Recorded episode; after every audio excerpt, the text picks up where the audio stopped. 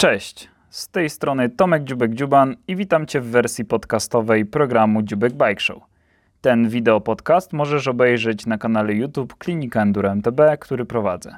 Zanim jednak przejdziemy do rozmowy z moim gościem, krótkie ogłoszenia.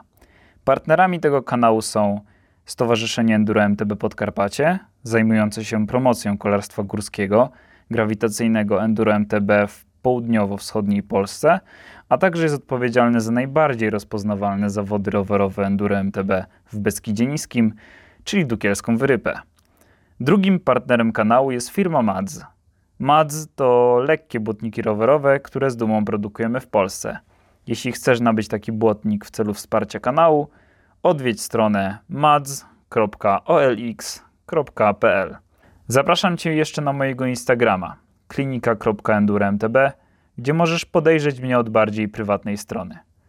A teraz już życzę Ci przyjemnego odsłuchu i pozdrawiam.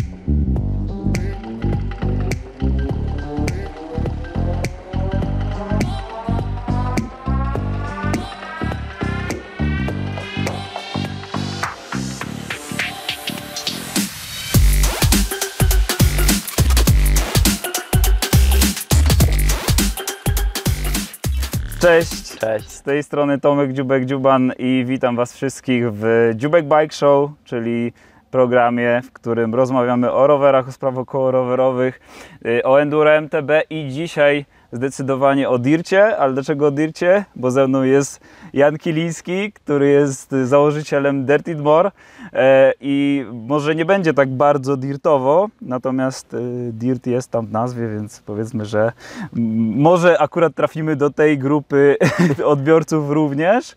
E, Janek oczywiście, jeżeli nie wiecie, jest też projektantem e, rowerów e, w Dartmoor Bikes. Jest e, youtuberem z bardzo dużymi zasięgami. Jeżeli chodzi o grawitację rowerową, bardzo, wydaje mi się. Twórca treści internetowych. Twórca, twórca treści internetowych, okej, nie youtuber. Dobra, możemy, możemy tak, możemy przy tym zostać. I co jeszcze mogę o tobie powiedzieć? Myślę, że chyba No nie wiem, tak. budowniczy, zdecydowanie, bo w, wiesz co, dla mnie osobiście kiedyś ktoś tak fajnie powiedział, że człowiek orkiestra i dla mnie rowerowy człowiek orkiestra mógłbym powiedzieć, bo masz strasznie dużo tych około rowerowych zajawek. Tak, zgadza się. Różne rzeczy robię, ale wszystkie są związane z rowerem. No właśnie, no właśnie. I o tym też dzisiaj sobie porozmawiamy, więc myślę, że będzie ciekawie. Teraz przechodzimy do y, bardzo mm, stałego i ważnego punktu programu, czyli rozgrzewki, gdzie w minucie zadaję Ci jak najwięcej pytań, no i liczę na to, że z sensem y, odpowiesz na jak najwięcej tych pytań. Postaram się z sensem. Więc. Y... O, już się, o jest. Więc zaczynamy za 3, 2, 1. Go! Najlepsza rowerowa marka to? Dla mnie Dartmoor. Okej, mieć czy być? E, mieć tyle, żeby być. Okej, super. Najlepsza rowerowa destynacja. Nie wiem, tam gdzie jest dobra pogoda. Ile bierzesz na klatę? Nie wiem. Y, miejscówka, do której już nigdy nie pojedziesz. E, jest taki bike park w Austrii, ale nie pamiętam dokładnie nazwy. Okej, to jesteś pierwszą osobą, która o tym powiedziała, że jest taka miejsce. 29 czy 27,5? Hmm, 29. Dokąd nocą tu ptajesz? Na Bike Garden. Czy Polska to dobry kraj do uprawiania enduro MTB? No, uważam, że bardzo dobra. Największe rowerowe marzenie? E, za 20 lat dalej cieszy się jazdą na rowerze. Świetnie. Ile miesięcznie wydajesz na pasję? Myślę, że ponad 2000. No Okej, to dużo. Najciekawsze rowerowe wspomnienia. Mm, nie wiem, wspólne wyjazdy, ale wszystkie wyjazdy są wspaniałym wspomnieniem. Mhm. Jeśli y, nie rower, to co? Nie mam pojęcia. To musiało być alternatywne życie, które bym, wiesz, musiał od początku przeżyć i gdzieś wybrać inną drogę. A, czyli u Ciebie nie było tak, jak niektórzy mają, że na przykład mają jakieś zajawę na skitury, czy coś takiego. Dla Ciebie rower jest przez cały rok? Mm, Dla mnie rower jest przez cały rok. em, tak, zdecydowanie. I to powiem Ci, że nawet od takich, zanim zacząłem skakać na rowerze, to już ten rower bardzo mocno istniał od samego początku i istniał w takich dziwnych e, pomysłach, że zrobię sobie dwie skrzynki i skoczę z tego, albo przyjadę po jakichś kamieniach jeszcze na takim rowerze 20-calowym. Więc ten rower był bardzo, bardzo mocno. Mhm. Może jakieś takie eksploracje, wyjazdy, żeby zobaczyć coś nieznanego, ale ja wplatam w to rower, więc myślę, że coś takiego ewentualnie, gdyby nie rower. Gdyby nie rower. Wiem, super.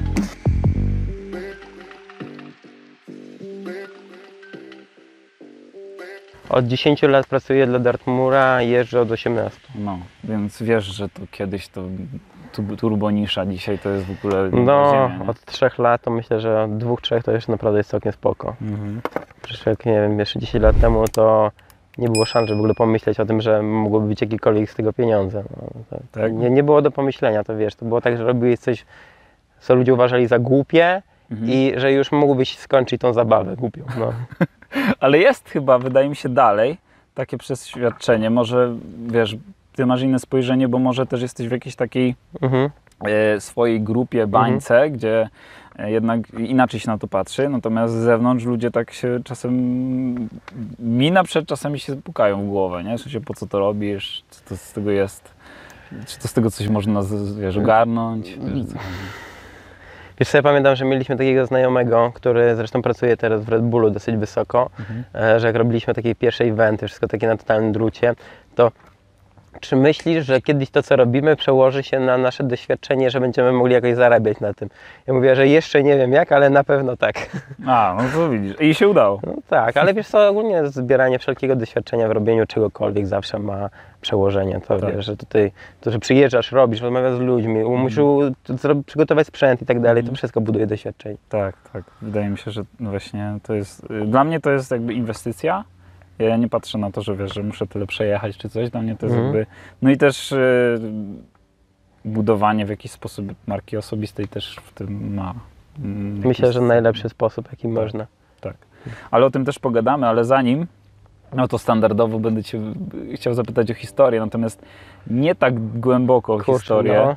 Bo myślę, żeby nam pół programu zajęło opowiedzenie tego wszystkiego, czym się zajmowałeś do tej pory, jak doszedłeś do miejsca, w którym jesteś. Natomiast chciałem Cię zapytać o to Enduro MTB, bo jednak Mhm.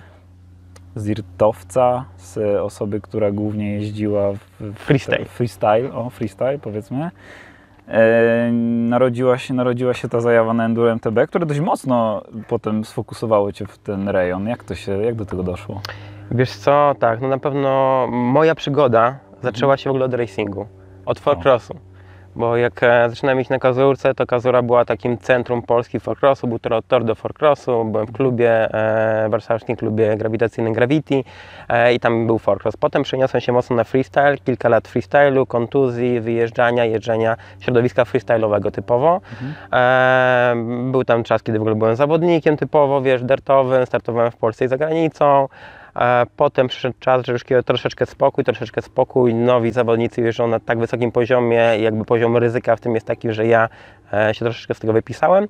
No i zacząłem przede wszystkim jeździć głównie dla siebie, mieć zajawkę skakania, ale też jeżdżenia w terenie, gdzie to były głównie bike parki. W Polsce, za granicą ogólnie mega jarałem się bike parkami typowymi, alignami, flowami, e, a przyszła, chyba to myślę, że taki największy moment zwrotny, już troszeczkę jeździłem po dzikich trasach, ale największy moment zwrotny był wtedy, kiedy 5 lat temu, chyba to było 5 lat temu, pierwszy raz wyjechałem na zimę do Malagi. A w Maladze masz tylko naturalne trasy, bardzo ciężkie, piaskowe, kamieniste, nie masz żadnych flow i wszystko musisz podjeżdżać.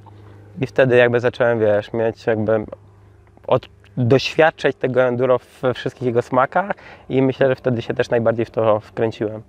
To co Ci się w tym najbardziej podobało, że, że tak właśnie poszedłeś w to? I wiesz co, no już z racji tego, że wtedy dochodziłem powoli do trzydziestki e, i miałem już bardzo dużo różnych doświadczeń ze skakania i jakby jeżdżenie na trasie, gdzie skaczesz, to cały czas jakby powtarzasz to samo. Nie jesteś w stanie na 10 razy skoczyć dobrze jedną hopę, a jeden zakręt jesteś w stanie przejechać na 10 razy dobrze w różny sposób. I jakby możliwości jazdy enduro i myślenia na trasie i czerpania przyjemności z tej samej trasy kilkakrotnie dla mnie naprawdę były super, były super odkryciem, plus ogólnie doświadczanie gór, mm, jakby nie jest tak, że ja lubię wysiłek, e, kiedy jadę pod górę, ale lubię ten moment, kiedy podjeżdżam, kiedy jest wolniej, kiedy jest ta natura wokół. Em, lubię tak obcować. No, jakby daje mi to dobre doświadczenie. Super, mega. Em, I w tym wszystkim, mm, bo Ty y, pochodzisz z Warszawy, tak? Tak. O, y, Jesteś warszawiakiem. Tak, takim rodowitym. Rodowitym warszawiakiem, no właśnie. I dlaczego w pewnym momencie y, zdecydowałeś, y, nie chcę już tam dłużej być, chcę być bliżej gór? Wiesz co, to dużo ludzi mówi, że ja uciekłem z Warszawy. Ja nie uciekłem, tam było całkiem spoko, e, ale szukałem miejsca, gdzie będę mógł realizować życie bardziej tak, jakbym chciał. A zdecydowanie chciałem żyć w górach, chciałem być blisko też bike parku e, i mieć takie miejsce trochę od ludzi, bo to ja ogólnie to takim jestem trochę introwertykiem w swoim życiu i ludzie mi nie są za bardzo potrzebni do życia codziennego. A to jest właśnie ciekawe, bo jest takie, y, y, może nie założenie, ale często się spotykam z tym, że twórcy internetowi są dość mocno introwertyczni i tu się jakby mogą wykazać, y, No, wiesz, jest ja wiesz, bezpieczne. nie mówisz do kamery, nikt Tak. ci jakby nie wchodzi w słowo i tak Mhm. dalej, tylko możesz się produkować, jakby mówić o tym, co są jakieś przemyślenia, więc jakby No. bardzo często się to tak rzeczywiście zdarza. Mhm. E, no i stwierdziłem, że po prostu tu jest takie miejsce, gdzie mogę dalej realizować życie tak, jakbym chciał. E, postawiłem wszystko na jedną kartę. Jesteśmy, wiecie, u mnie tutaj na, na moim podwórku. Mam, wiesz, domy, które cały czas się remontują i ogólnie projekt to jest projekt życia na pewno w tym momencie dla mnie nieporównywalny z czymkolwiek innym wcześniej. E, I jestem mega zadowolony, bo jestem w takim miejscu, w którym chciałbym być. Świetnie, to jest mega wartościowe, że udało Ci się przekuć y, zajawę e, w y, biznes i w możliwość y, życia z tego, o czym też na pewno będę chciał z Tobą w dalszej części porozmawiać.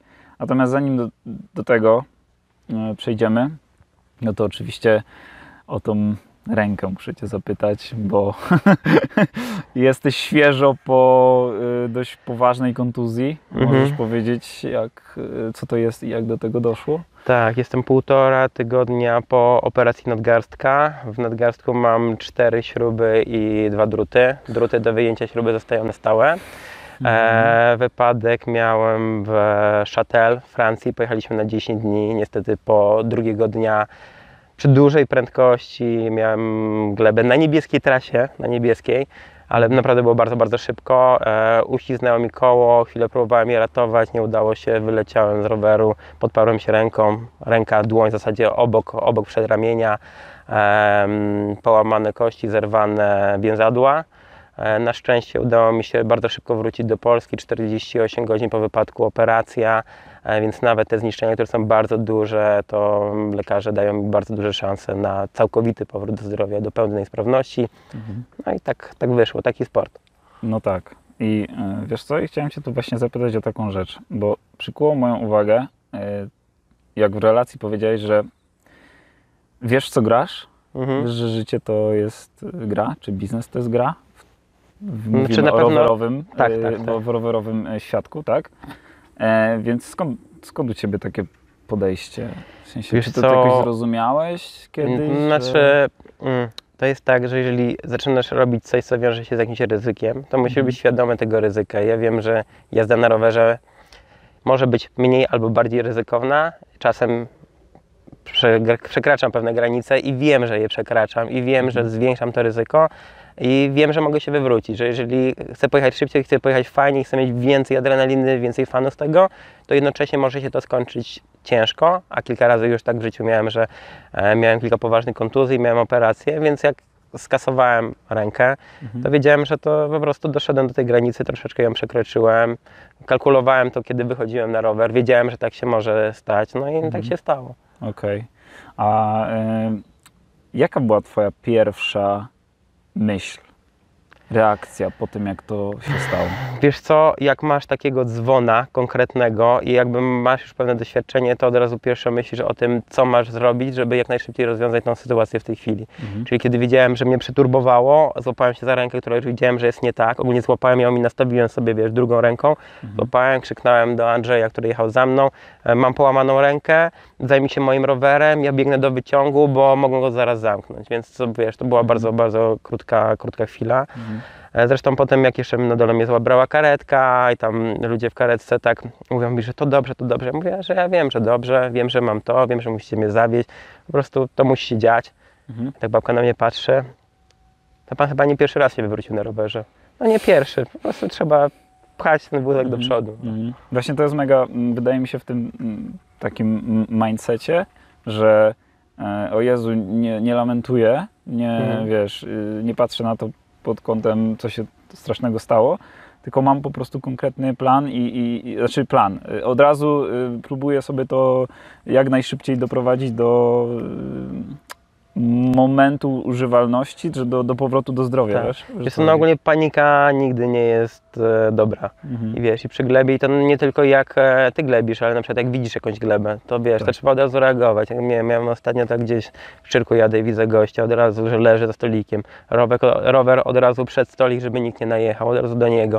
Jak się czuje, czy jest kontakt z nim, co nie? I Mhm. tak wiesz, wszystkie elementy pierwszej pomocy, no to jest przede wszystkim nie panikowanie i po kolei sprawdzanie wszystkiego, co się da, zabezpieczenie miejsca. E, I to, czy ja się wyglebię, czy ktoś się wyglebi, czy ktoś się wyglebi na e, szkoleniach, no to przede wszystkim nie panikowanie. Jasne.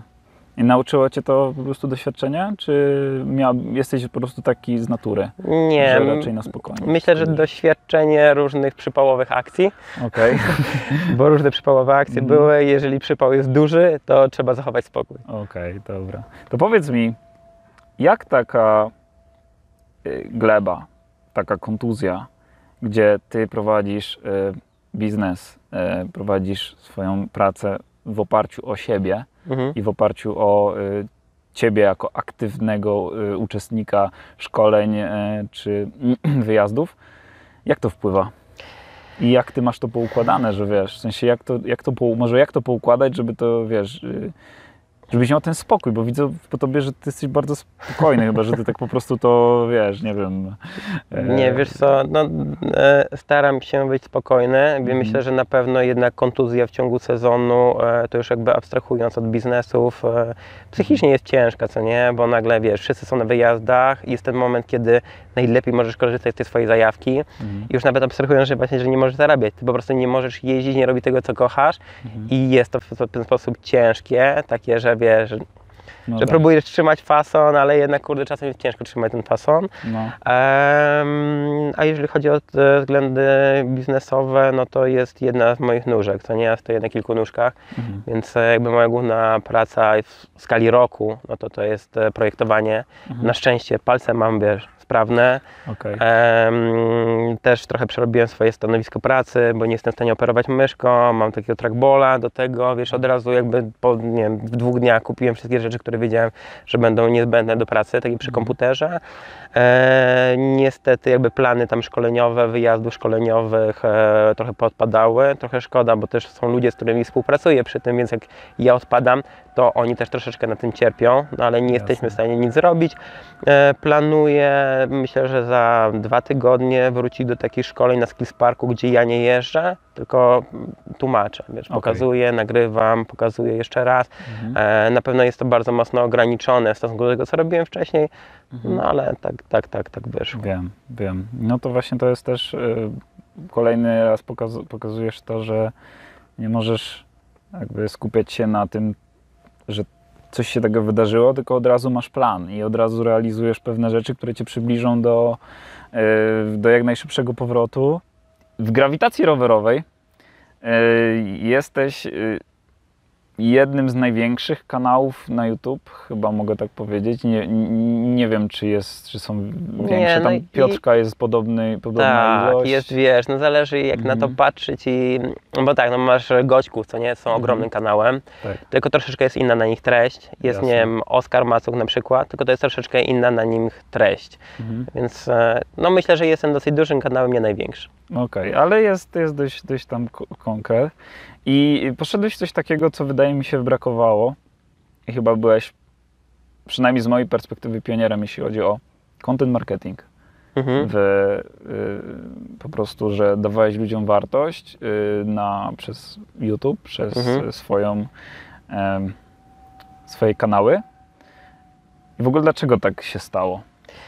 Wiesz co, e, tak jak już rozmawialiśmy, to mam 18 lat doświadczenia jazdy na rowerze i popełniania różnych błędów Mhm. i ogólnie lubię z ludźmi się dzielić moją wiedzą.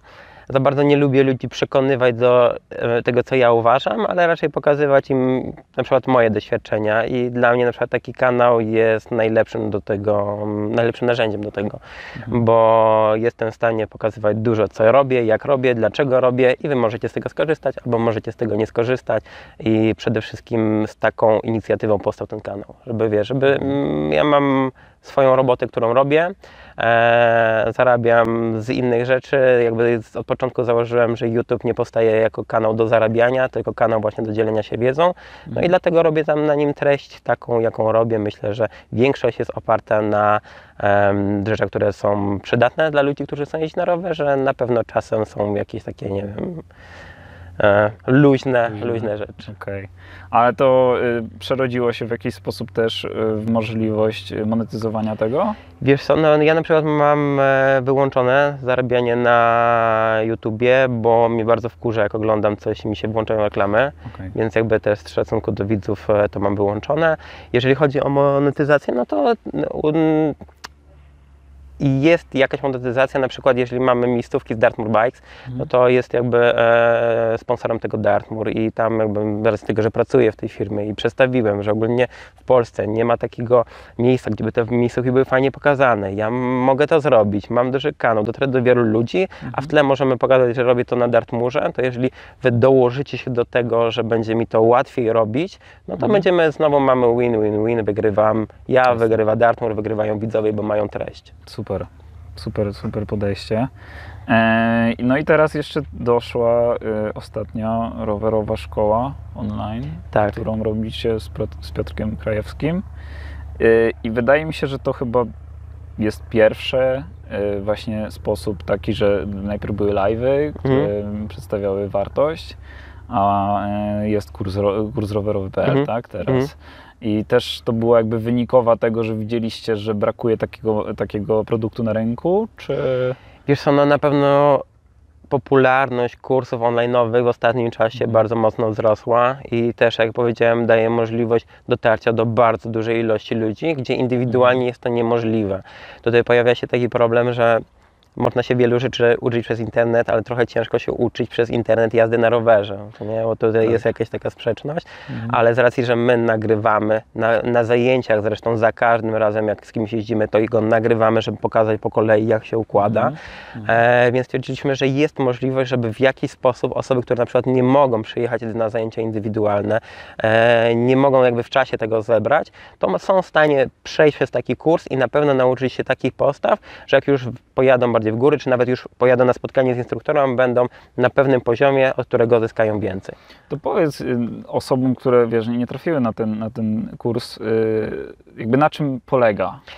E, jakby koncepcja jest tego taka, że masz teorię i masz ćwiczenia praktyczne, podczas których się nagrywasz i porównujesz się z wzorcem, plus do wzorca masz dodane typowe błędy, które popełniasz. I jesteś w stanie jakoś te podstawowe rzeczy naprawdę wyłapać i mamy wiesz, grupę na Facebooku odnośnie tego, że tam widzę, że ludzie to robią i jak to działa i rzeczywiście myślę, że działa to w sposób zadowalający. Muszę też dodać, że to był kurs, który był sprzedawany do końca maja, czyli on aktualnie nie jest dostępny. Aha, czyli on, okej. Jakby, jakby, jakby już ktoś się za bardzo zainteresował. Właśnie, no to tak y, od razu mówimy, ale czy będzie możliwość, czy będzie jakaś druga edycja y, sprzedaży tego kursu? E, zastanawiamy się jeszcze, jak to zrobić. E, nie wiem, czy to będzie sprzedaż. Może na przykład się uda pozyskać jakiegoś partnera, który pokryje to, żeby kurs w ogóle był darmowy. Tak bym chciał. To Super. byłoby dla mnie w ogóle takie zwycięstwo w tym, w tym temacie, bo Okej. doszlibyśmy do bardzo szerokiej grupy z bardzo fajną wiedzą, a jednocześnie na pewno taki partner zyskałby e, też taką pozytywny vibe wokół, wokół marki.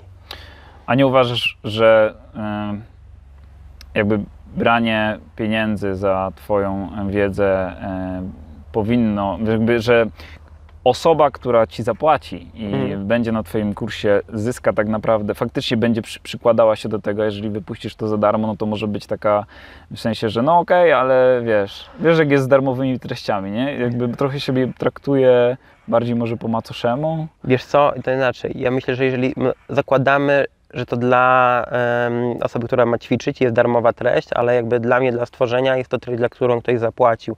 A większość treści darmowych w internecie jest przeważnie robiona też w miarę za darmo. Czyli ich jakość też czasami jest nie do końca taka, jaka No powinna właśnie. być, albo jest Mhm. takim tylko smaczkiem do tej wartości płatnej. A myślę, że w tym momencie, kiedy my przygotowujemy taki kurs, to jeżeli ktoś będzie chciał z niego skorzystać, to myślę, że naprawdę będzie mógł skorzystać z niego bardzo dobrze. Okej, okej, super. E, W takim razie musicie śledzić e, profil e, Twój i Piotrka, żeby się dowiedzieć o najwyżej, naj, kolejnym naborze do kursu rowerowego.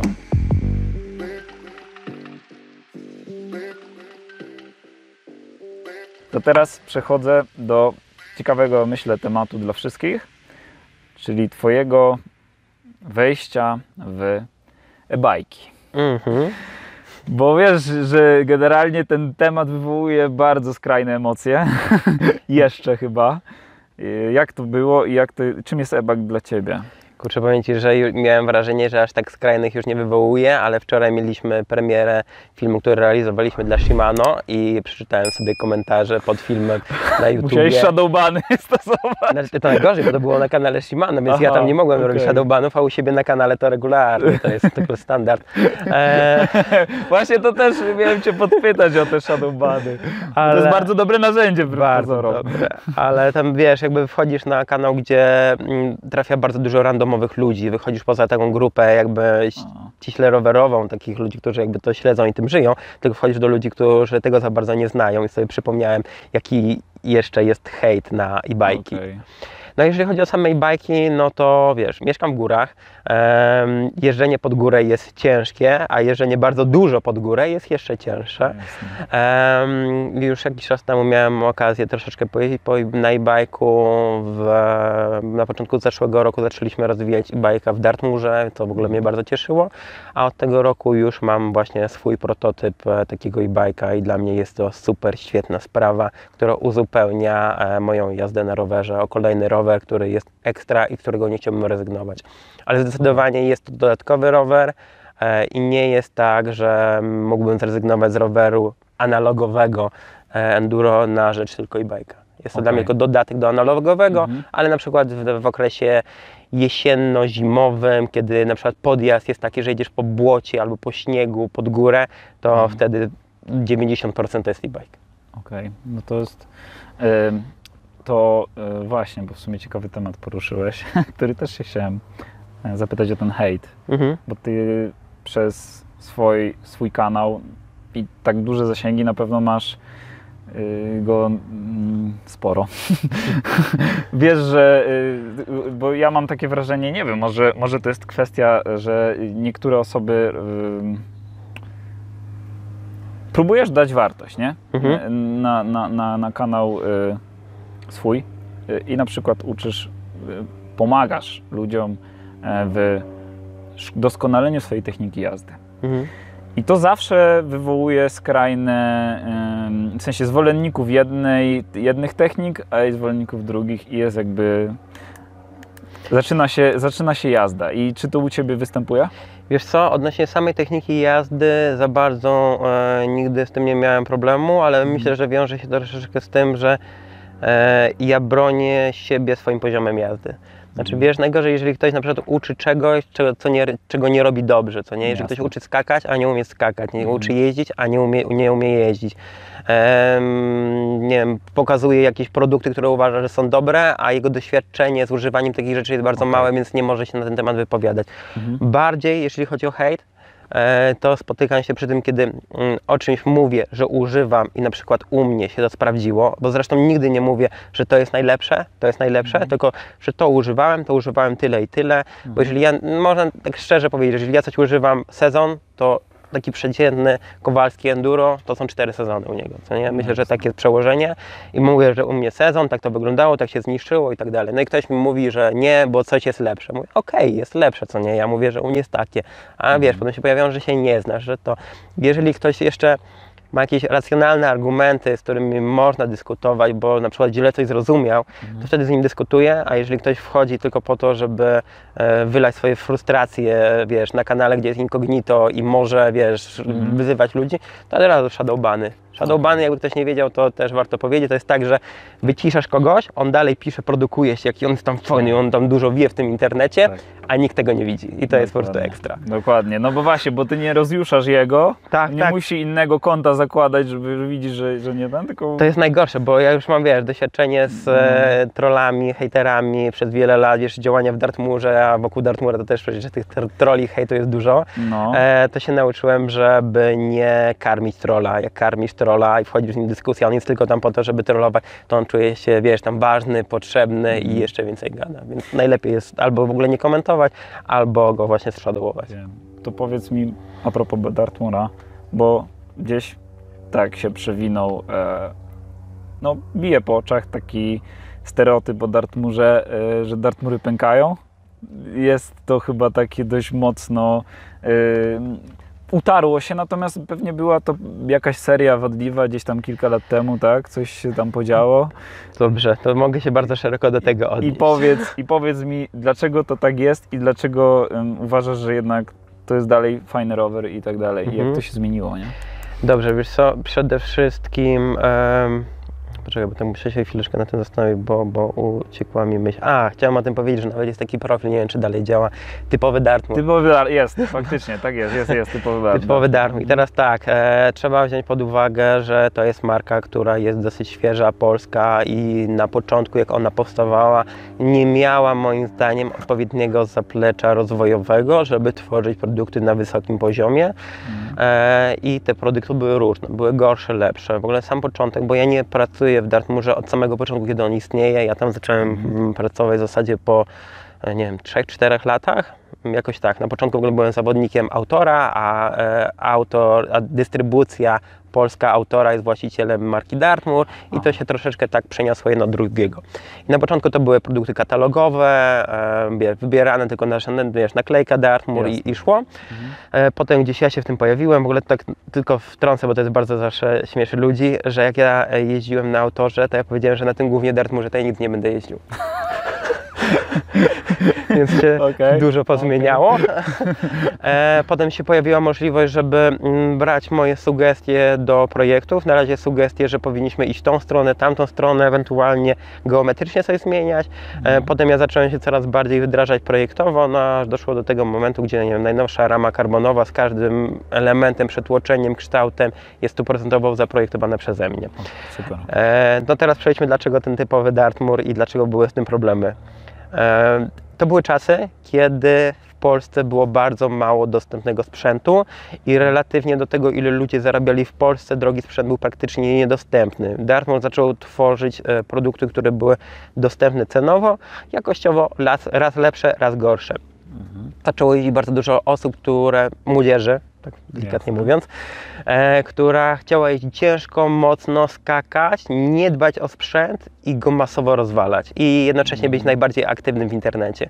Ciężko, żeby nagle masowo zaczęły się łamać wtedy Santa Cruzy w Polsce e, przez e, 16-latków, bo jakby te produkty zupełnie nie były z nimi powiązane, nie Okej. były jeżdżone w ten sposób. Tak. I wtedy myślę, że mm, powstał jakby, może nie były produkty rzeczywiście najlepsze, najlepsze jakie mogły być, ale pełne okoliczności sprawiły właśnie, że ten vibe wokół tej marki był taki, że jest to typowy Dartmoor. Mhm. E, z czasem wyglądało to moim zdaniem coraz lepiej, coraz lepiej. Oczywiście też raz lepiej, raz gorzej, ciągle biorąc pod uwagę, że jeżeli chciałeś kupić najtańszą endurówkę, najtańszą dertówkę w miarę sensownym osprzęcie, to ciągle wypadał Dartmoor. Czyli jeżeli mama kupowała synkowi rower i miał być najtańszy, to wypadał Dartmoor, a potem on bez serwisów, bez niczego szedł łomotać schody, schody, schody, schody i ten sprzęt się, wiesz, Okej. katował. Ja pamiętam jak e, pękł pierwszy Blackbird, gdzie ja uważ, ogólnie uważam, że konstrukcja Blackbirda jest bardzo fajna. Koncepcyjnie to miał być rower, który ma być bardzo tanim, dobrze jeżdżącym rowerem enduro i pękł pierwszy i tak wiesz, ja to zawsze gdzieś tam przechodzę sobie, tak jak ludzie myślą, że są anonimowi, patrzę kto wrzucił, skąd i tak dalej, takie, Aha. takie nie, że śledztwo, ale tak ciekawy jestem jak to wyszło. Mhm. To okazało się, że pierwszego e, Blackbirda gościu skasował skacząc z dwumetrowego garażu na płaskie, na beton. A, no to się nie dziwię. Trochę się nie dziwię. Wiesz, to tak, tak, Że- tak, to wygląda. Aha, czyli tak to wygląda. Ogólnie uważam, że cały czas mamy bardzo duży e, margines e, materiału, żeby te rowery były naprawdę wytrzymałe. E, uważam, że one są wytrzymałe. Czasem pojawiają się różne problemy jakościowe, niejakościowe, zresztą jak w każdej marce. Wiesz, w najwyższych markach zdarzają się całe partie, gdzie ludzie wycofują, wiesz, całego świata produkty. E, więc uważam, że jakby na skalę narzędzi, które mamy, produkty, które robimy, e, jest to naprawdę bardzo dobrze. Czy ty jesteś odpowiedzialny w, w Dartmurze tylko za pro, projektowanie typowo ram rowerowych, czy jest tam też inne na przykład, nie wiem, mostki, kierownice, y, pedały? Ja projektuję wszystko, co my projektujemy. E, czyli na przykład nie projektuję systemu zapadek w piastach, bo to Mhm. jest jakby e, katalogowe, wybieramy, nie mieliśmy tak w ostatnim czasie, jak zmienialiśmy piasty, sześciu różnych producentów piast, wybieraliśmy ich różne części, testowaliśmy, ja projektowałem kształt zewnętrzny i jakby to było koniec. Mhm. E, kierownicę, jeżeli chodzi o projektowanie, to nie no, w tym momencie już projektuję w zasadzie i kształt zewnętrzny, i geometrię, i ścianki, Mhm. mostki w całości od początku do końca. E, pedały ostatnio fajne plastikowe zaprojektowałem, bardzo mi się podobają prototypy, na których jeżdżę, więc e, nie wiem, korb na przykład żadnych nie projektowałem, a mamy korby w Dartmurze wybrane z katalogu, bo stwierdziliśmy, że nie ma sensu, żebyśmy projektowali to i płacili bardzo duże pieniądze za matrycę do realizacji A, tego. Okej. Jakbyś teraz y, popatrzył na Dartmura i na te ram, znaczy na tę jakość, którą chcecie uzyskać, to gdzie byś, gdzie byś się umieścił tą markę? W jakim segmencie? Nie wiem, ja zawsze się śmieję, że to e, kiedyś e, Dartmoor był jak taka Skoda, co nie? Że tak w zasadzie to nikt nie chciałby kupować Skody, wolałby sobie kupić Volkswagen albo Audi, ale to Skoda to w zasadzie jest całkowicie wystarczająca. Okej. E, I myślę, że cały czas Dartmoor celuje, co nie, w takie miejsce, żeby być takim rowerem, który rzeczywiście go kupisz, to jest to fajny rower do pojeżdżenia i jeżeli sobie tak racjonalnie na to spojrzysz, to do osoby średnio zaawansowanej to w większości przypadków niczego nie brakuje. No właśnie, bo wiesz co, ja mam takie, y, patrzę na tą y, markę właśnie, że możesz sobie kupić, y, teraz rzucam przykład, pedały Mhm. za 160 na przykład złotych, Mhm. które są super wystarczające. Nic, no zresztą tak jak kiedyś na jednym z filmów mówiłeś, no na pedały nie ma co też przepłacać. E, ale, ale wydaje mi się, że wiele jest takich, ja też miałem nawet mostek Dartmura czy, czy inne tam części i to po prostu jest właśnie tak jak mówisz, wystarczające. Nie, może nie masz tam brandu jakiegoś, wiesz, że tam świeci się e, mm, jakiś tam Chromag. Re, re, chromag albo race face albo coś y, w ten y, deseń, natomiast y, no tak jak mówisz, no jest to dobrze wykonane, solidne i tak Wiesz dalej. co, powiem Ci jeszcze szczerze, że na przykład w przypadku mostku, bo w przypadku ram to jest dosyć skomplikowany temat. Mhm. Jest tam bardzo dużo etapów, tematów jakościowych i tak dalej, ale na przykład w przypadku mostków, albo jeszcze lepiej siodełek, to różnica jakościowa darta, a siodełek, które mogą kosztować 400 zł, jest żadna. Bo Aha. robi to ten sam producent, tymi samymi maszynami i w zasadzie materiał jest ten sam. Tylko I logo. I logo jest tylko inne, Aha. co nie? Na przykład Okej. jak weźmiesz sobie, na przykład mnie bardzo śmieszy, no w środowisku freestyle'owym jest, są legendarne siodełka Chromaga. I tak, no znam, że to jest bardzo drogie. Kosmos, co nie? Otwierasz sobie na drugą stronę, masz wybitą pieczątkę Velo, czyli największego producenta siodełek, co nie? I to jest, ja wiem dokładnie, że za to siodełko producent płaci 7 dolarów, co nie? I sprzedaje je potem za 400 zł w Polsce. I te dzieciaki, co tam zasuwają siodełko Chromaga, masz o, to plus 10 do stylu. Tak, tak, tak. No właśnie to są te takie, tak jak się z tymi wiertarkami, nie? Słynnymi, że, że y, masz tam wiertarkę jakąś Boscha, ona jest w, jakby w tej samej fabryce co ta Lidlowa, czy tam, wiesz, no, tak to niestety wygląda. E, ale jeżeli jesteś insiderem i wiesz, na czym to polega, to inaczej na ten rynek patrzysz. Natomiast większość osób jednak kieruje się jakąś tam marką i jak już się, jak wiesz dobrze, że jak już przylepisz jakąś łatkę marce, no to dużo jest fanatyków i się trzyma, nie? No, zdecydowanie tak. No zresztą wiesz, ja też mam w rowerze części, które kupuję dlatego, bo są fajną biżuterią. No, jak No. nie wiem, jak napęd e, ostatnio tego, co trafił do mnie, Garbaruka cały, co nie? Tak. Przecież ja nie potrzebuję takiego napędu, a jednak jest taki błyskotko. Bardzo fajnie, no właśnie.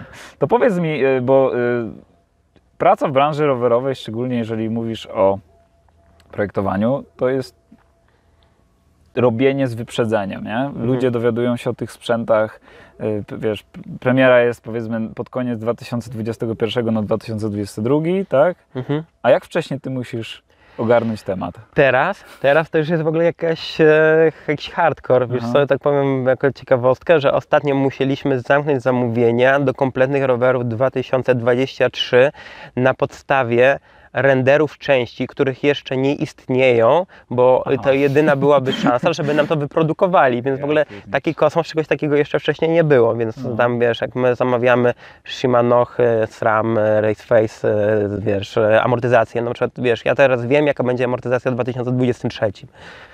O, to I- dobrze, to taki jesteś przewidywacz przyszłości. E, I Janek na przykład najlepsze jest to, że niektóre z tych części w ogóle nie istnieją jeszcze, tylko na razie są wyrenderowane, są obrazkami.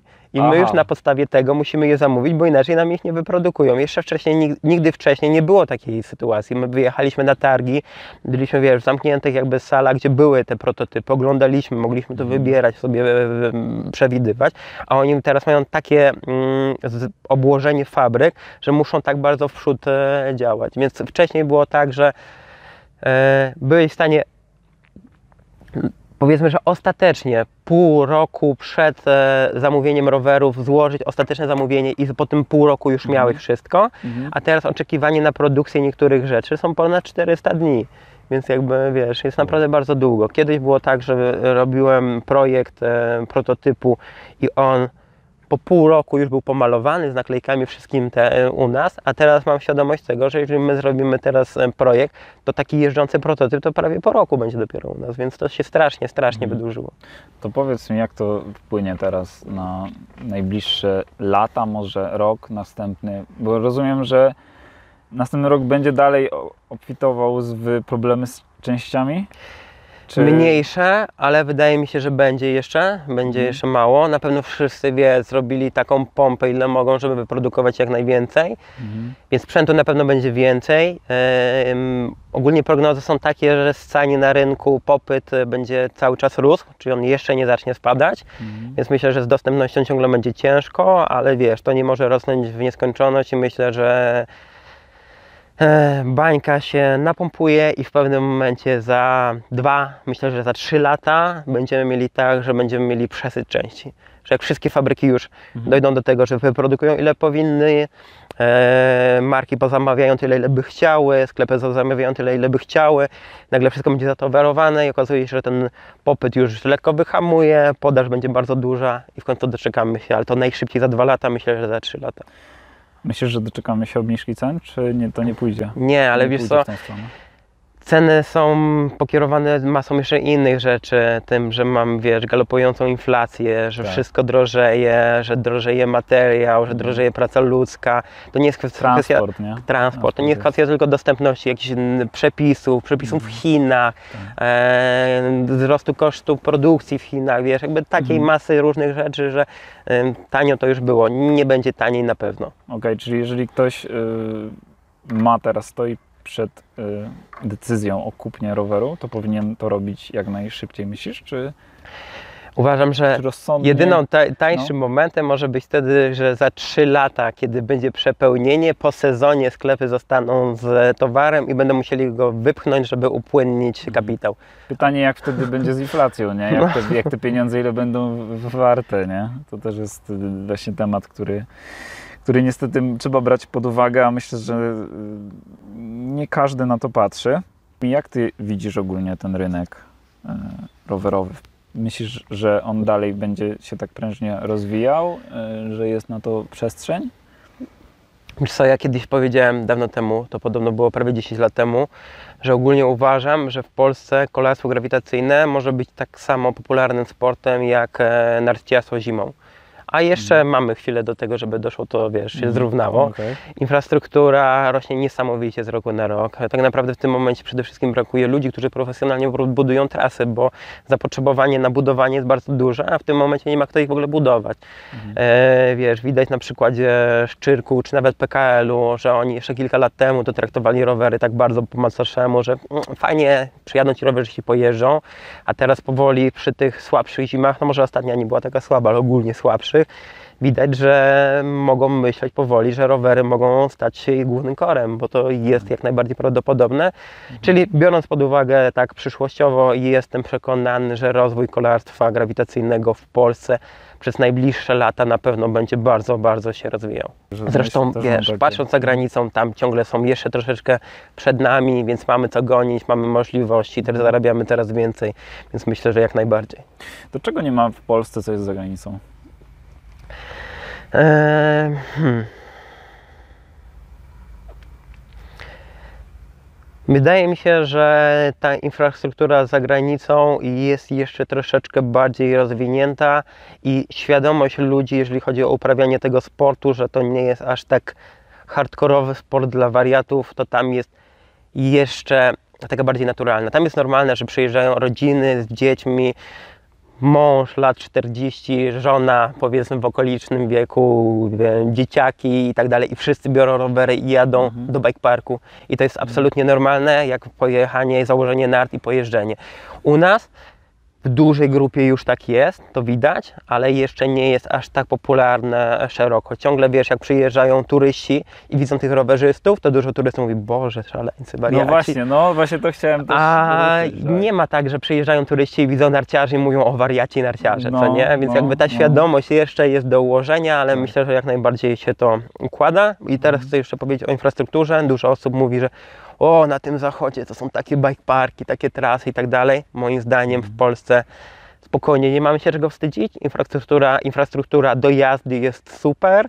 Może jak ktoś szuka czegoś bardzo wyspecjalizowanego, jak nie wiem, bardzo dobre e, airliny, czy nie wiem, super trasy downhillowe, to może czegoś jeszcze tam delikatnie brakować, ale ogólnie infrastruktura rowerowa jest super i bardzo często jest tak, że ludzie od razu chcą jechać do Austrii, od razu do Włoch, na jakieś super miejsca, nie zaliczając rzeczy w Polsce i okazuje się, że infrastruktura, która ich tam czeka typowo do jazdy, wcale nie jest lepsza niż ta w Polsce. Właśnie, dokładnie. To teraz jeszcze Cię chciałem zapytać o taką rzecz, bo na początku wspomniałem, że jesteś dla mnie trochę jak e, rowerowa orkiestra, jeśli bardzo dużo robisz. Em, możesz powiedzieć, jakie cechy trzeba mieć, żeby właśnie tak dużo projektów jednocześnie robić, czyli jesteś YouTube, yy, przepraszam, powiedziałeś nie youtuberem, tylko Twórcą, treści internetowych. internetowych. Jesteś projektantem, jesteś szkoleniowcem, jesteś e, budowniczym tras. E, no jak, co trzeba mieć, żeby to wszystko robić? Trzeba to lubić. Okej. Wiesz co, bo jeżeli robisz co lubisz, co prawda ja bardzo nie lubię tego, jak ktoś mówi, że rób to co kochasz i nie przepracujesz ani jednego dnia, Tak, tak, to jest tak, tak. totalna bójda, jest tak. ale możesz robić to co e, kochasz, jeżeli zrobisz kilka rzeczy, które musisz zrobić Mhm. e, i dla mnie ogólnie robienie rzeczy, które lubię sprawia mi bardzo dużą przyjemność. E, jeżeli ja szkolę ludzi, widzę, że oni, wiesz, łapią progres, że jeżdżą lepiej, że cieszą się jazdą, to dla mnie jest największa zapłata i, i mega to lubię robić. Po prostu, wiesz, daje mi mega satysfakcję. Jak sobie wymyślę jakieś hopy, po których chcę jeździć i możliwość zbudowania takiego miejsca, że ludzie będą mogli, na przykład jak ostatnio Skills Park na Żarze, e, który projektowałem, wiedziałem, że to jest tak, robimy małą linię, dużą, będą jeździli ludzie, uczyli się na małej, przeskakiwali na dużą i to będzie wszystko grało. I wiesz, i przyjeżdżam i widzę, że są ludzie i jeżdżą po tym, no to jest kurde, no jest taka satysfakcja, że to daje mi turbo, turbo zajawę. E, ogólnie zdarza się, że ja bym chciał robić bardzo dużo rzeczy, chciałbym robić więcej rzeczy niż robię Tak. i czasem niestety dochodzę do tego, że mam za dużo, to nie, Okej. że no nie wiem, no jesteśmy na Bike Gardenie, gdzie mam remonty domów, które trwają dwa lata już Mhm. i trwają dlatego po prostu, bo często nie jestem w stanie się na, za to zabrać. Mhm. Są projekty, które leżą w szufladzie, które moim zdaniem są super, ale jeszcze nie ma możliwości i narzędzi, żeby je zrealizować. Więc Okej. jakby mm, przede wszystkim bawić się tym, co robisz, lubić to, co robisz. E, dodam, że przez pierwsze 5-8 lat robienia tych rzeczy rowerowych robiłem to tylko dlatego, że chciałem to zrobić, że moim celem nie było zarobić i bardzo Mhm. często w ogóle nie zarabiałem, często dokładałem, na przykład projekt Bike Park Azura, to jest Dobra. E, to zadzwoniło, ale już Aha, wracam. okej. Na przykład projekt Bike Park Azura to jest rzecz, która, która mnie nauczyła mega dużo. To jest tak, że ja przez lata, wiesz, wstawałem o godzinie 6 rano, żeby dopilnować koparki i tak ludzi, którzy kopali przychodzili na 12, ja pilnowałem tej koparki, widziałem jak ktoś tworzy się, powstaje, poświęcałem swoją kasę, swój czas tylko po to, żeby to zbudować, bo miałem zajawę, żeby to stworzyć. Mhm. E, I to myślę, że mnie nauczyło też potem do kolejnych projektów, wiesz, jak, jak, jak z tym działać. E, i, I potem, wiesz, jak widziałem, jak ludzie przyjeżdżają, jeżdżą i tym, czy, czym jest teraz Kazura, to jak jest ciągnięte dalej przez e, stowarzyszenie, przez Piotra Krajewskiego, to jest Mhm. To, to z perspektywy czasu pokazuje mi, że to daje taką dużą nagrodę włożona praca, że jak wchodzę w kolejny projekt i wiem, że za kilka lat da to pewne efekty, Mhm. to chce mi się to robić. To y, mówisz, bo jeżeli robisz tak dużo projektów, to y, jakby bardzo musisz być dobry w planowaniu. W sensie w, wiesz, takim y, time managemencie, jak to się mówiło. Fatalny jestem. Fatalny jesteś? A wiesz, to jest mega ciekawe, że mimo tego, tego wszystkiego robienia Fatalny jesteś w stanie jestem- się przyznać do tego, że jesteś fatalny w, w zarządzaniu, zarządzaniu czasem, jestem fatalny, dlatego, bo chciałbym robić za dużo niż jest to możliwe. Bo jeżeli Aha. jesteś dobry w planowaniu, to wiesz, że wiele rzeczy nie zrobisz, dlatego, bo nie zrobisz tego w czasie. A ja Aha. jestem w stanie wrzucić sobie rzeczy, które wiem, że nie dam rady zrobić w czasie, a jednak stwierdzę, że dam je zrobić i ogólnie czasem się to udaje, ale bardzo często się to nie udaje do końca. Także Mhm. na przykład, nie wiem, no jak zrobiliśmy pierwsze hit games, zrobiliśmy enduro, to był właśnie taki moment, kiedy dostałem ostre baty, bo byłem przekonany, że dam radę zrobić, a nie zrobiłem tego tak, jak chciałem, żeby było zrobione. No właśnie, to też dobrze, dobry temat, bo ja nie byłem na hit, hit Gamesach, natomiast gdzieś tam poszła opinia, posz, poszła opinia, że coś tam nie zagrało, tak? Nie zagrało, dużo rzeczy. Dużo rzeczy nie zagrało. To uważasz, że to jest... Ty bierzesz to na klatę, czy ty uważasz, że na przykład ktoś zawalił, czy ja, i- możesz jakby opowiedzieć coś właśnie? Ja ogólnie ktoś- uważam, że jeżeli jest projekt, za który ja odpowiadam i on Mhm. nawali, to zawsze nawaliłem ja. Bo to Okej. jest mój projekt, bo to ja dobrałem ludzi, bo ja stwierdziłem, podjąłem decyzję, że go robimy. Mhm. E, więc koniec końców jest to jakby moja wina, że ja zdecydowałem, że to robimy. E, bo na przykład jeżeli mi jakiś podwykonawca nawali, no to ja, to był mój błąd, że ja wybrałem takiego podwykonawcę. To był mój, mój błąd, że ja nie miałem zabezpieczenia, że był inny podwykonawca. Wiesz, to było super, jak mieć rozmowę z Grześkiem. Jak on powiedział, ile tam jest różnych puzli, które nie może się ułożyć i jak on jest zabezpieczony, żeby te puzzle, wiesz, działały. Tak. A u mnie to było coś takiego, że jeżeli wszystkie klocki by się spięły, to byłoby bardzo dobrze. Ale wystarczyło, że dwa wypadły i już Aha. było nie do A końca co, dobrze. co, się, co, się, co się stało? Wiesz co, e, ja robiłem już dużo różnych zawodów wcześniej, ale nigdy nie robiłem zawodów enduro. Zawsze to były zawody dertowe, pokazy dertowe, zawsze było to oparte o jednym miejscu i otoczeniu wokół tego, na jednym torze, na którym masz jakby pełną, pełną władzę nad nim, jesteś przy nim. A tu mieliśmy e, trasy OS-u, gdzie ogólnie wiem jak chciałem, żeby wyglądały, ale nie miałem możliwości ich zrealizowania do końca. Zabrakło mi troszeczkę ludzi, e, zabrakło mi troszeczkę czasu. em, Chodziło ci o dopieszczenie tras? Wszystkiego do końca. Wiesz co, to musi być wszystko dograne tak Mhm. na ostatni guzik. I pomiary czasów, i e, otaśmowanie, i ludzie, którzy to sprawdzają, i ludzie, którzy to jeszcze raz sprawdzą później. I to, że na pewno jest wszystko, wiesz, e, Tak. przejezdne. Tak. E, fajnie, że udało się, wiesz, dogadywać takie rzeczy jak z mm, spółką leśną, PKL-em, nadleśnictwem, co w ogóle ludzie myśleli, że się nie uda z nadleśnictwem, a to w ogóle super historia, bo okazało się, że jak tam przyszedłem, to już znali mnie z YouTube'a i, A, i było no ekstra. super. Warto robić content marketing. Więc dużo rzeczy zagrało, dużo rzeczy mieliśmy farta, ale kilka rzeczy było nie do, em, nie, nie do, do dosiągniętych, ale powiem szczerze, że chciałbym wrócić do zrobienia zawodów enduro, Mhm. bo widzę, że potencjał tego miejsca, gdzie, gdzie żyję jest bardzo duży. Wiem, że ogólnie zawody enduro pchają enduro do przodu, em, bo nawet jak są zawody, a potem po zawodach zostają trasy, idzie informacja, że są te trasy, to to może się rozwijać wokół tego. Zresztą bardzo mocno Enduro Trails wiele tras rozwinęło w ten sposób, Tak więc chciałbym, ale na wszystko musi być przyjść czas. Na szczęście z czasem, z wiekiem uczę się jednak, żeby odpuszczać i nie robić wszystkiego, co bym chciał.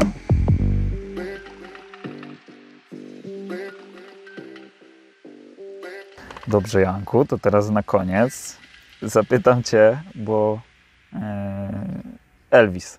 O, Dlaczego Elvis? Powiedz wiesz mi. co, to nawet jest przedrowerowe. Okej. Eee, to żadna filozofia. Ogólnie zawsze miałem dosyć długie włosy, dłuższe Mhm. i za czasów szkolnych się zaczesywałem do tyłu, wiesz, z dużą grzywą. To były czasy, kiedy wszyscy raczej byli na jeżyka przycięci króciutko, a ja zawsze, wiesz, miałem bujne włosy i Wiem. poszło Elvis, Elvis. Potem gdzieś tam, jak się pojawiłem w środowisku rowerowym, gieś tam znajomi ciągle się pojawiało Elvis. Trochę śmiesznie, e, niestandardowa ksywka i bardzo mocno, bardzo mocno się została. Została Fajnie, fajnie. Ale no, cały czas gdzieś tam funkcjonuje, tak? Funkcjonuje. Już tak kiedyś jakby bardziej używałem też jak się przedstawiając, ja już się tak raczej nie przedstawiam, nawet wiesz, jakby konta, Mhm. które mam nie są podpisane Elvis od jakiegoś czasu, ale em, tak, tak, tak, jest. No. Zdarza się, że ludzie tak mnie kojarzą. Okej, ale na pewno ta stara gwardia rowerowa to, to cię Zdecydowanie jest zdecydowanie Elvis. jako Elvis, właśnie. Dobrze, to przechodząc już powoli do końca, chciałem Cię zapytać o takie standardowe pytanie, które na koniec pada, czyli o taką radę dla ludzi, e, którzy by chcieli po prostu. y, może, może tak. Rada dla ludzi, którzy w ogóle y, zaczynają, Mhm. jak, jak powinni zacząć, co powinni, na, na czym powinni się skupić. I, mhm.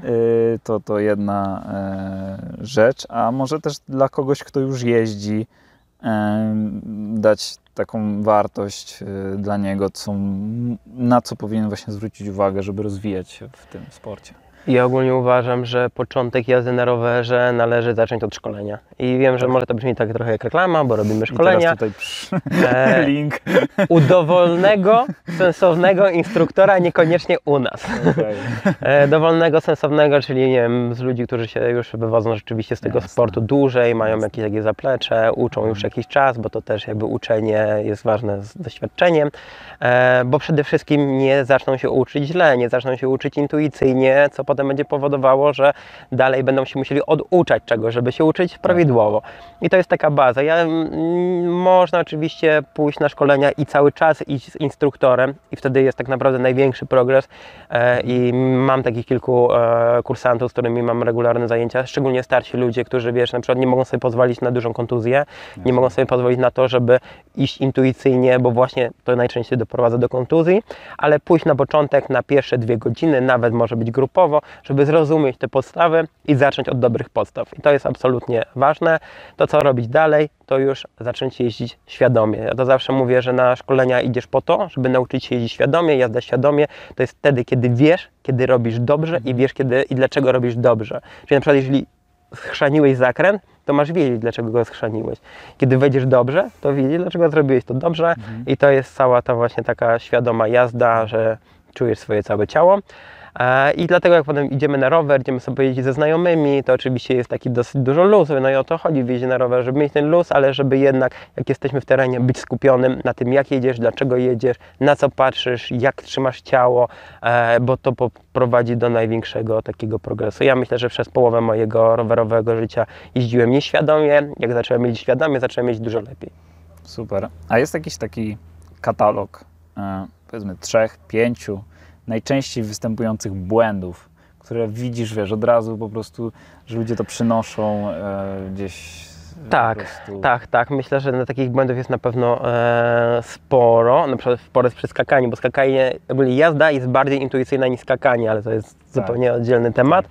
E, jeżeli chodzi o samą jazdę, to takie rzeczy na wprost. Na przykład pierwsza rada, która potrafi poprawić jazdę osoby, która jeździ bardzo długo, to żeby skupiła się rzeczywiście na tym, żeby patrzyła, gdzie jedzie. Wiesz, że ludzie nie Okej. patrzą, gdzie jadą, ale na przykład wiesz, wchodzą w zakręt, ale to delikatnie patrzą jednak na zewnątrz i im się ten zakręt nie układa. On mówi, że on kombinuje z ciałem. Mówię, weź patrz na wyjście. Ja stanę na wyjście, wchodzisz, patrzysz na mnie.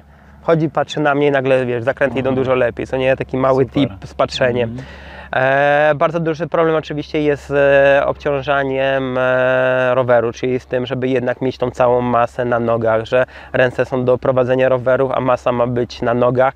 Automatycznie będziemy delikatnie do, dociążać ręce, ale żeby nie skupiać się, żeby na tych rękach wisieć. I wiesz, e, i, i to jest bardzo często która, rzecz, która bardzo ludziom pomaga. I w drugą stronę, czyli na przykład pozycja bardzo zachowawcza, jesteś wywalony do tyłu, że ludzie czują się bezpiecznie, kiedy są delikatnie za rowerem. I to wtedy wiesz, masz odciążony przód, ciężej je skręcać, inaczej to układasz. Czyli ta tak zwana dupa do tyłu, tak? Dupa to, do tyłu. tak... e, Dupa do tyłu jest wtedy, kiedy ostro jedziesz w dół przez jeden fragment, żeby cię nie przerzuciło, to jest dupa do tyłu, a kiedy wchodzisz w dalszą sekcję, to Tak. od razu zmieniasz pozycję. Tak, tak, tak, dokładnie. Ale no właśnie to jest, y, to chyba tak pokutuje, że my y, z zasłyszanych informacji przekazujemy to dalej i to tak się napędza i robi takie st- stereotypy. I jeszcze jedno, że ci dorzucę No. od razu. Kolejna bardzo częsta rzecz to są za sztywne nogi. I to jest rzecz, na przykład, z którymi bardzo często jest ciężko walczyć i bardzo często ludzie z cross country przenoszą to na enduro. Że mają tak sztywne nogi, że tak jak wiesz, każdy instruktor zresztą jak tam rozmawiałeś nawet z Kasią, to ci powie, że Mhm. a naszą główną amortyzacją to są łokcie i kolana, a jeżeli ktoś ma sztywne nogi, to ma sztywny największy amortyzator i jakakolwiek jazda w terenie potem jest bardzo ciężka. Tak, zdecydowanie to, co właśnie przy rozmowie z Kasią mówiłem, że ludzie się bardzo skupiają na tym, żeby mieć zawieszenia niesamowite, natomiast nie, nie, nie, nie patrzą na to, na to zawieszenie, które mają najlepsze, czyli Tak, właśnie ich tak. własne, własne ciało. E, i, I to jest właśnie ten mm, problem. E, dobrze, to y, na sam koniec y, powiedz jeszcze, gdzie możemy Cię znaleźć. Na YouTubie można mnie znaleźć na e, kanale Dirt It More, no i tak samo na Instagramie i na Facebooku. Na Facebooku jeszcze mam taki profil zawodniczy, osoby publicznej. O, tak, Osoba publiczna. osoby publicznej. Okay. E, Jan Kiliński, tylko że tak przyznam szczerze, że trochę z Facebooka się ostatnio e, wypisuje, że tam się mało rzeczy pojawia, bo sam nie, nie korzystam za bardzo, więc Aha. Instagram i YouTube to przede wszystkim. Super, super. To w takim razie odsyłamy Was y, na kanał Janka. E, A ja Tobie bardzo dziękuję, Dziękuję. za dzisiaj. Myślę, że to była bardzo najeżona taką merytoryką rozmowa i że da Wam wartość e, oraz będziecie mogli z niej wynieść e, bardzo fajne informacje e, o Janku. Także co możemy powiedzieć? Dziękujemy Wam bardzo serdecznie. O, i oczywiście zapraszam na zawody do Ciebie. Dukielska wyrypa. Miałem, naprawdę miałem szczerą nadzieję, że pojadę. Widzicie, plany się pokrzyżowały. Właśnie. Mam nadzieję, że przyjadę w takim razie za rok, ale każdy, kto może, niech przyjedzie, szczególnie, że te zawody, z tego co wiem, będą takie bardziej adventure niż taki Adventure. typowy racing. Tak jest. I będzie bardzo y, klimat y, taki właśnie y, bardziej chilloutowy, żeby to nie był też taka napinka super. Więc jeżeli ko- dla kogoś to jest y, kwintesencja zawodów, nie tylko sam, sam racing, to też zapraszamy serdecznie 4 września do Dukli. Dzięki. A nie, to teraz nie wiem Żółwik. jak to tak, żółwika. I trzymajcie się, do zobaczenia. Cześć. Cześć.